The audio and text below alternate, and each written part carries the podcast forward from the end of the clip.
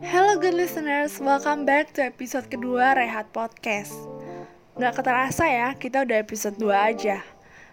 Kali ini kita akan membahas mengenai pola makan sehat selama pandemi. Menjaga pola makan merupakan salah satu hal yang harus dilakukan di masa pandemi. Tidak hanya menyerang pernafasan, virus corona juga menyerang tubuh berdaya tahan rendah. Untuk itu, kita butuh asupan gizi yang seimbang dengan pola makan yang sehat. Lalu, bagaimana sih cara memulainya? Pada episode kali ini, kita akan membahas tentang bagaimana cara mengatur pola makan yang sehat bersama dengan dokter spesialis gizi klinis, Patricia Amanda. Pastinya akan memberikan wawasan baru mengenai pola makan sehat. Let's check it out!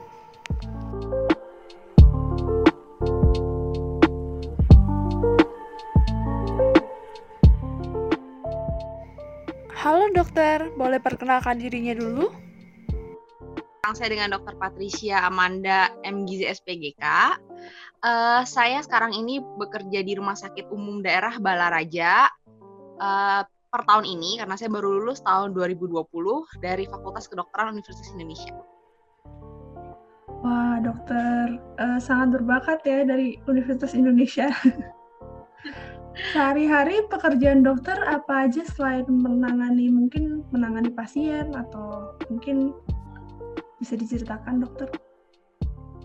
Uh, jadi kesibukan sehari-hari saya dari Senin sampai dengan hari Jumat uh, bekerja menangani melayani pasien yang membutuhkan konseling gizi di Rumah Sakit Umbala Raja dan juga uh, membantu teman-teman di instalasi gizi untuk menjalankan penyelenggaraan makanan di instalasi gizi Rumah Sakit Umum Daerah Balaraja. Kita mungkin uh, masuk ke pertanyaan pertama ya dokter ya yang kita semua juga pengen tahu. Uh, Sebenarnya pola makan sehat dan yang bergizi itu seperti apa sih uh, indikatornya, dokter? Oke, jadi yang namanya uh, untuk pedoman gizi yang seimbang itu sebenarnya merupakan susunan makanan sehari-hari yang mengandung zat gizi dari jumlah dan jenis yang uh, sesuai dengan kebutuhan kita. Nah, uh, selain jenis dan jumlah yang sesuai dengan kebutuhan kita, kita juga harus memperhatikan keanekaragaman dari uh, makanan yang kita makan. Jadi maksudnya uh, kita juga nggak cuma misalnya gini, oh ya udah deh mau makan nasi aja misalkan, nggak boleh. Jadi kita harus juga makan uh, sumber protein seperti ayam, kemudian juga sumber vitamin dan mineral seperti buah dan sayuran. Oke dokter, berarti harus seimbang ya gizi antara buah dan sayurannya juga ya dokter ya? Uh, aku mau nanya nih pertanyaan selingan. Uh, biasanya kalau kita kan anak-anak muda suka banget uh, di rumah, udah di rumah terus suka makan snack kan. Waktu makan snack yang baik itu kapan sih? Terus habis itu snack apa yang harusnya dimakan? Oke, jadi sebenarnya gini, kalau prinsip uh, selingan makanan itu snack uh, jam snack itu sebenarnya kita harus tetap uh, berpatokan pada makan utama. Jadi kan kalau kita makan utama kan pagi sore, pagi, siang dan malam. Nah, untuk snack sendiri itu baiknya uh, di antara itu gitu. Jadi di antara makan siang, di antara makan uh, pagi dan siang dan juga di antara makan uh, siang dan makan malam. Jadi kayak mungkin sekitar jam 10-an atau sore jam 2 jam 3 sebelum makan malam.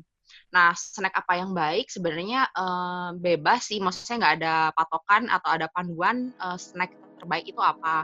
Namun uh, dari WHO sendiri pernah menyarankan kita untuk uh, makan sayur dan buah 4 sampai 5 porsi sehari. Nah, gimana sih cara ngejarnya? Yaitu salah satunya dengan makan sayur dan buah di saat selingan tadi. Gitu. Jadi uh, saya selalu uh, mengedukasi pasien untuk ah, ya udah kalau mau, mau selingan kita selingannya buah atau sayuran buah sih ya lebih gampang ya karena kan uh, enak ya kayak di, bisa di jus bisa di buah potong atau buah salad gitu. Oke dokter berarti uh, lebih baik makan buah ya daripada kita makan kayak makan makanan pada umumnya kita snack yang misalnya kayak kemasan atau gimana gitu ya dokter ya. Ya, karena kalau snack kemasan itu kan selain sebenarnya boleh kadang-kadang kita makan snack uh, yang kemasan ya, snack fast food atau apa karena kan kita juga kepingin. Uh, tapi kalau terlalu sering juga nanti akan menyebabkan sakit sakit-sakit yang lain gitu. Nggak, karena di nilai nutrisinya juga kurang baik. Kalau makan biasa nih kayak makan pagi, makan siang dan makan malam, jam yang paling hmm. tepat untuk makan pagi, siang, dan malam itu jam berapa ya? Kalau jam nggak pernah ada yang uh, itu juga nggak ada pedomannya. Itu tergantung dari kita sendiri, dari kebiasaan kita. Karena yang namanya pola makan itu uh, boleh dikatakan sifatnya individualis dan sifatnya um, tergantung dari kebiasaan kita. Tapi yang disarankan itu adalah polanya harus teratur. Jadi gini loh, nggak uh, mau ah nggak mau skip kita skip makan pagi misalkan. Ah langsung makan siang aja deh jam 12 ya nggak bisa gitu karena uh, kita ada baiknya kita juga makannya itu teratur pagi makan mungkin hanya makan ringan untuk pagi sebelum kita beraktivitas. Kemudian makan siang mungkin sekitar jam 12 jam 1 kemudian makan malam uh, jam 7 jangan terlalu malam juga karena kan uh, nanti kita mau tidur ya. Kalau mau tidur kalau terlalu kenyang juga eh, nggak uh, enak Nah, selama di rumah ini kan kita selama pandemi, di karantina di rumah, uh, kita tuh tetap harus sarapan nggak sih dokter?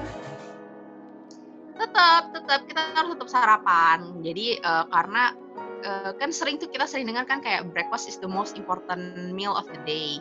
Itu benar banget walaupun kita tidak beraktivitas di luar rumah kan kita selama pandemi kita work from home school from home itu kan berarti kan kita tetap beraktivitas hanya bedanya kita beraktivitas di dalam rumah tidak di luar rumah. Tetap kita beraktivitas berkegiatan berpikir uh, menggunakan uh, segala cadangan tubuh kita. Kalau misalnya kita tidak sarapan jadi nanti kita nggak optimal pekerjaan kita, nggak optimal juga cara kita berpikir dan juga nanti uh, akan menimbulkan misalkan kita kelaparan di, di uh, makan siang gitu. Jadi tetap harus kita sarapan walaupun kita beraktivitas di dalam rumah. Oke dokter, kita uh, akan masuk ke sesi games nih. Kan kita banyak tahu informasi dari in internet kan tentang pola makan sehat, tapi kan kita tidak tahu kebenarannya seperti apa, seperti itu. Oke, uh, kita mulai aja gamesnya. Ini gamesnya namanya katanya dokter. Jadi katanya internet sebenarnya sih, tapi kita konfirmasi lagi. Yang pertama tuh okay. biasanya jahe merah itu berpotensi tangkal corona katanya. Apakah benar atau gimana atau salah? Salah. Salah dokter. Jadi, Kenapa uh, tuh? Salah. Jadi gini, jangan salah paham bahwa jahe merah itu uh, tidak mm, bukan bukan penangkal dari uh, virus, apalagi terutama virus corona yang lagi heboh saat ini. Jadi uh, sampai saat ini tuh belum pernah ada laporan ilmiah yang melaporkan bahwa uh, jahe merah itu dapat menangkal virus corona. Tuh. Nah, jadi uh, mungkin uh, karena uh, hal tersebut bisa di jadi orang-orang uh, menyangka oh bisa menyangkal virus corona karena sebenarnya jahe merah ini kandungannya banyak. Jadi kayak misalkan ada kandungan yang namanya uh, gingerol dan shagol itu jadi uh, dia itu ber, uh, bertindak sebagai imunomodulator yang uh, sifatnya dapat uh, membantu daya tahan tubuh kita. Tapi bukan berarti itu menangkal ya. Jadi itu cuma uh, membantu imunitas tubuh kita untuk lebih kuat dalam uh, menangani uh, penyakit bukan cuma virus corona gitu. Jadi uh, dan juga jahe merah itu punya sifat sebagai antiinflamasi uh, atau anti peradangan yang mungkin dapat membantu meringankan gejala-gejala virus corona. Jadi maksudnya bukan uh, dia menangkal virus corona enggak, tapi dia dapat membantu meringankan gejala. Nah, itu pun kita harus perhatikan uh, jumlahnya gitu. Karena kan kayak seperti dosis obat ya. Kita ada dosis obat nih misalkan oh dosis obat sekian dapat menurunkan panas misalkan. Nah, untuk jahe merah sendiri karena belum ada penelitian yang uh, valid uh, belum ada uji klinisnya jadi kita nggak tahu seberapa banyak sih jahe merah yang dibutuhkan untuk mendapatkan efek dari antiinflamasi tersebut gitu apakah kita harus makan satu kilo jahe merah atau cukup dengan satu batang gitu. Jadi belum ada standar uh, dosisnya gitu. Tapi uh, untuk kalau misalnya kita hanya mau minum jahe merah karena ah ya udah enak nih ya kalau lagi hujan-hujan ya masalah gitu. Tapi itu bukan merupakan penangkal corona atau uh, sesuatu yang punya efek seperti obat. Oke, pertanyaan selanjutnya nih dokter. Kita kan sering banget nih kalau pas pandemi seperti ini tuh nyetok uh, vitamin C, kor uh, kayak jeruk, tablet atau vitamin cair kayak gitu. Sebenarnya itu berkhasiat nggak sih atau bisa nggak sih menangkal corona? Oke, kalau misalkan vitamin C menangkal corona juga bukan juga salah, bukan bukan vitamin C tidak menangkal virus corona. Uh, penelitian yang ada juga untuk vitamin C sendiri, dia itu hanya meringankan gejala dari flu biasa dengan konsumsi vitamin C saat uh, sakit. Dan vitamin C yang dibutuhkan pun dosisnya uh, lebih tinggi daripada dosis kebutuhan kita. Nah, namun uh, kalau vitamin C sendiri dalam pandemi ini uh, berguna untuk itu tadi meningkatkan daya tahan tubuh kita. Jadi misalkan gini, uh, kita daya tahan tubuh kita itu kan banyak yang mempengaruhi, mulai dari vitamin, uh, bukan cuma vitamin C, ada vitamin E, vitamin B. Nah, salah, salah satunya tuh vitamin C juga berpengaruh. Nah, uh, salah satu mendapatkan sumber vitamin C itu bisa dari buah-buahan, buah-buah segar, atau tadi dari vitamin yang kita stok kemarin-kemarin ini nih yang sampai bikin yang diborong orang. Namun harus hati-hati ya karena vitamin C dosis yang terlalu tinggi juga punya efek samping. Kayak misalkan vitamin C yang di atas boleh dikatakan seperti uh, vitamin C 500, vitamin C 1000 itu bisa menyebabkan rasa tidak enak di lambung, kemudian juga uh, bisa mempengaruhi ginjal kita gitu. Jadi uh, sebenarnya kalau misalkan harus stok vitamin C, iya boleh setuju, tapi kita harus memperhatikan dosisnya juga. Jangan sampai uh, kita menyetok uh, vitamin C, eh malah nanti sakit lambung. oh iya tuh sering dokter kalau masalah sakit lambung gara-gara vitamin C. Apalagi iya, yang mah-mah gitu kan. Iya betul. Nanti kalau mungkin untuk tips teman-teman yang memang punya sakit mah, sementara uh, pengen nih, aduh minum vitamin C nih gimana ya untuk untuk meningkatkan imun tubuh. Uh, kita bisa dari bahan makanan sumber. Jadi vitamin C nggak cuma dari suplemen. Jadi dari vitamin bahan apa dari bahan makanan sumber seperti misalkan jeruk manis. Jeruk manis dua buah itu sudah cukup untuk kebutuhan kita sehari-hari vitamin C kebutuhan kita sehari-hari. Jadi nggak usah tuh kita uh, yang beli yang 500 kan banyak tuh yang sekian 500 tapi nanti habis makan kita sakit mah. Jadi kita pakai itu aja buah-buahan segar. Jadi buah yang langsung dipotong itu juga banyak mengandung vitamin C. Lebih gitu. alami lebih baik ya berarti dokter ya. Betul. Nah, selanjutnya nih, saya dapat info dari teman saya yang tinggal di Cina kemarin katanya. E, karena kan ah. corona pertama kali dari dari Cina kan. Terus dia bilang kayak e, pertama kali yang aku lakukan adalah menghindari makanan mentah. Itu benar nggak sih dokter? Apakah ada sangkut pautnya antara uh, virus corona sama makanan mentah? Oke. Okay. Jadi sebenarnya uh, kita harus luruskan dulu. Jadi vitamin uh, makanan uh, makanan gini, virus corona tidak disebarkan melalui makanan. Oke. Okay? Okay. Jadi uh, ada uh, sampai saat ini belum ada laporan ilmiah yang mengatakan bahwa virus corona dapat ditularkan melalui makanan. Nah, namun mungkin dari saat pandemi ini ada baiknya kita menghindari makanan mentah. Kenapa? Karena makanan mentah itu kan belum dimasak. Jadi kan mungkin masih mengandung banyak kuman-kuman ya, kayak misalkan Escherichia coli, Listeria, dan yang lain-lain, Salmonella.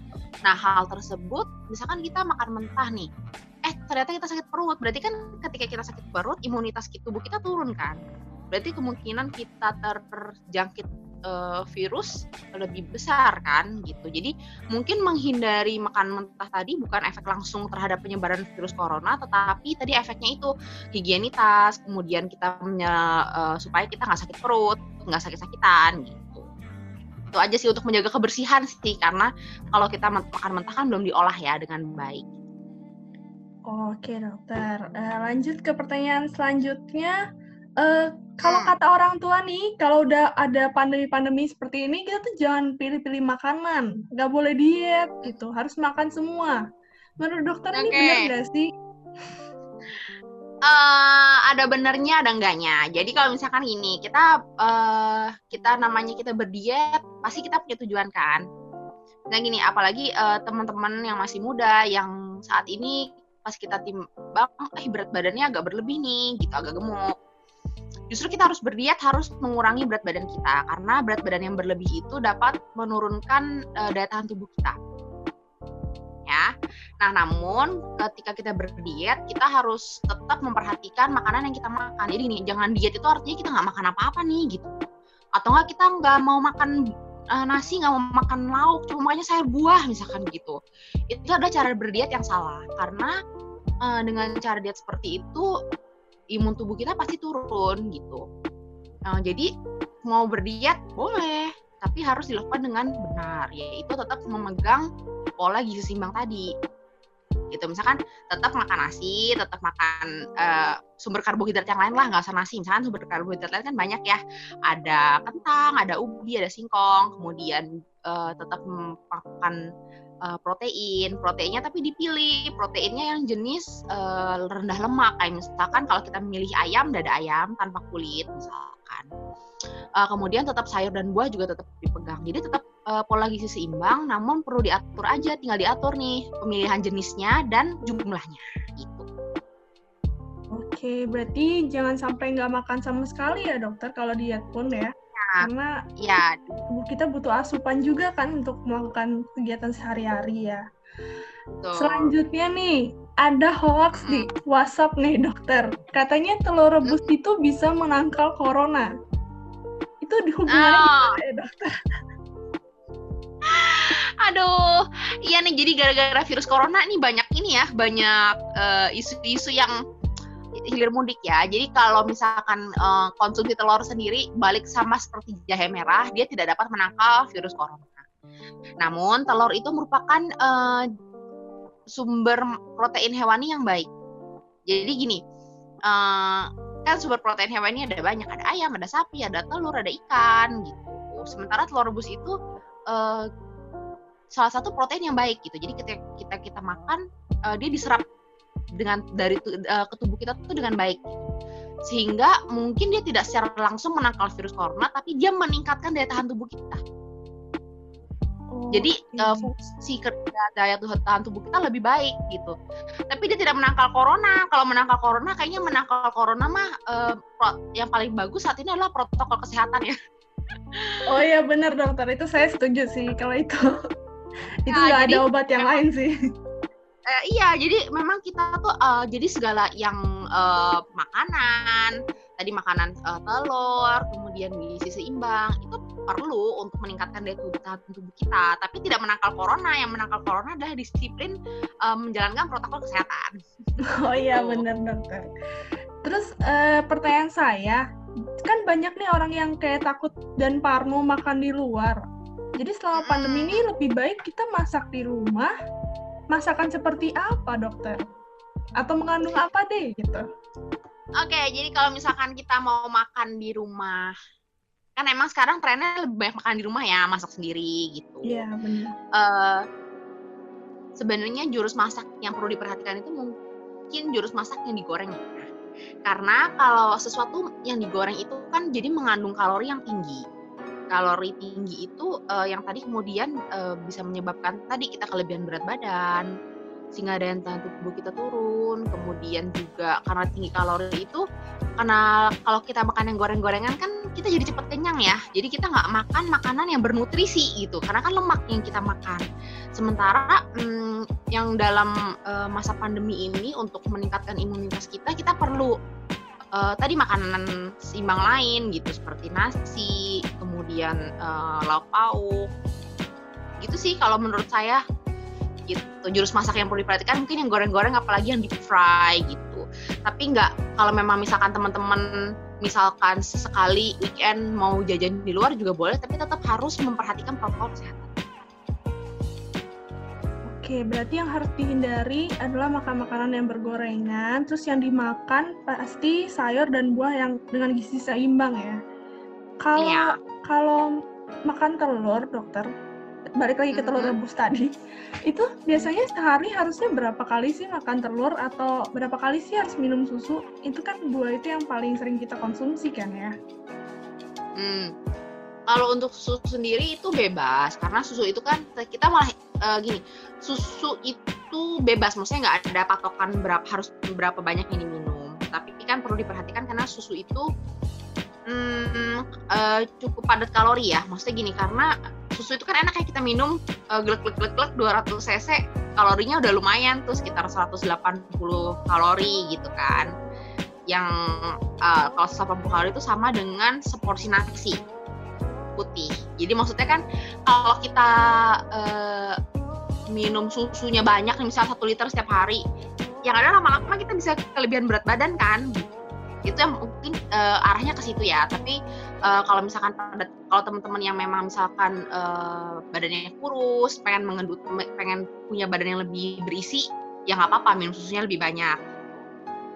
Kalau untuk telur sendiri, sebenarnya kan telur itu ada merahnya, ada putihnya yeah. Iya. uh, putihnya itu mengandung protein murni. Sementara kalau kuning itu adalah campuran protein dan kebanyakan adalah lemak dan vitamin-vitamin yang lainnya.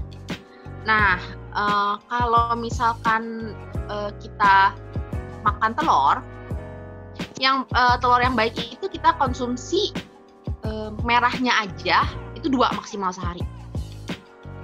Oke, kalau putihnya berapa kali Bebas. sehari? Oh, bebas bebas. kalau putihnya. Putih. Uh, sementara kalau merahnya kita batasin karena tadi itu kan sumber lemak dan kolesterol. Jadi untuk supaya tidak melebihi dari uh, batas uh, asupan kolesterol harian, uh, biasa dibatasi sampai dua saja sehari. Gitu. Oke dokter. Ini pertanyaan terakhir dokter.